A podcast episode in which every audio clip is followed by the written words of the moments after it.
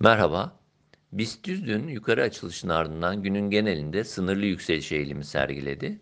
Kapanış 3295 seviyesinde gerçekleşti. Endekste 3350-3400 bandı üzerini kısa periyot için iyimserlik bölgesi olarak değerlendiriyoruz. Bandın altındaki hareket zayıf seyrin devamına işaret ediyor.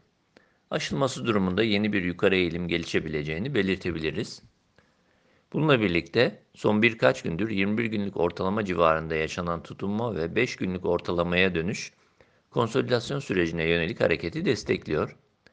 Dolayısıyla kısa, kısa periyot için direnç bölgesi olarak değerlendirdiğimiz 3350-3400 bandı gündemde kalmaya devam ediyor.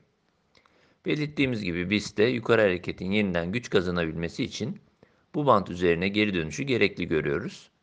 Endekste 3200-3150 bandı ise yakın destek bölgesi. Altına sarkma 50 günlük ortalamanın da bulunduğu 3050-3000 destek bölgesini gündeme getirebilecektir.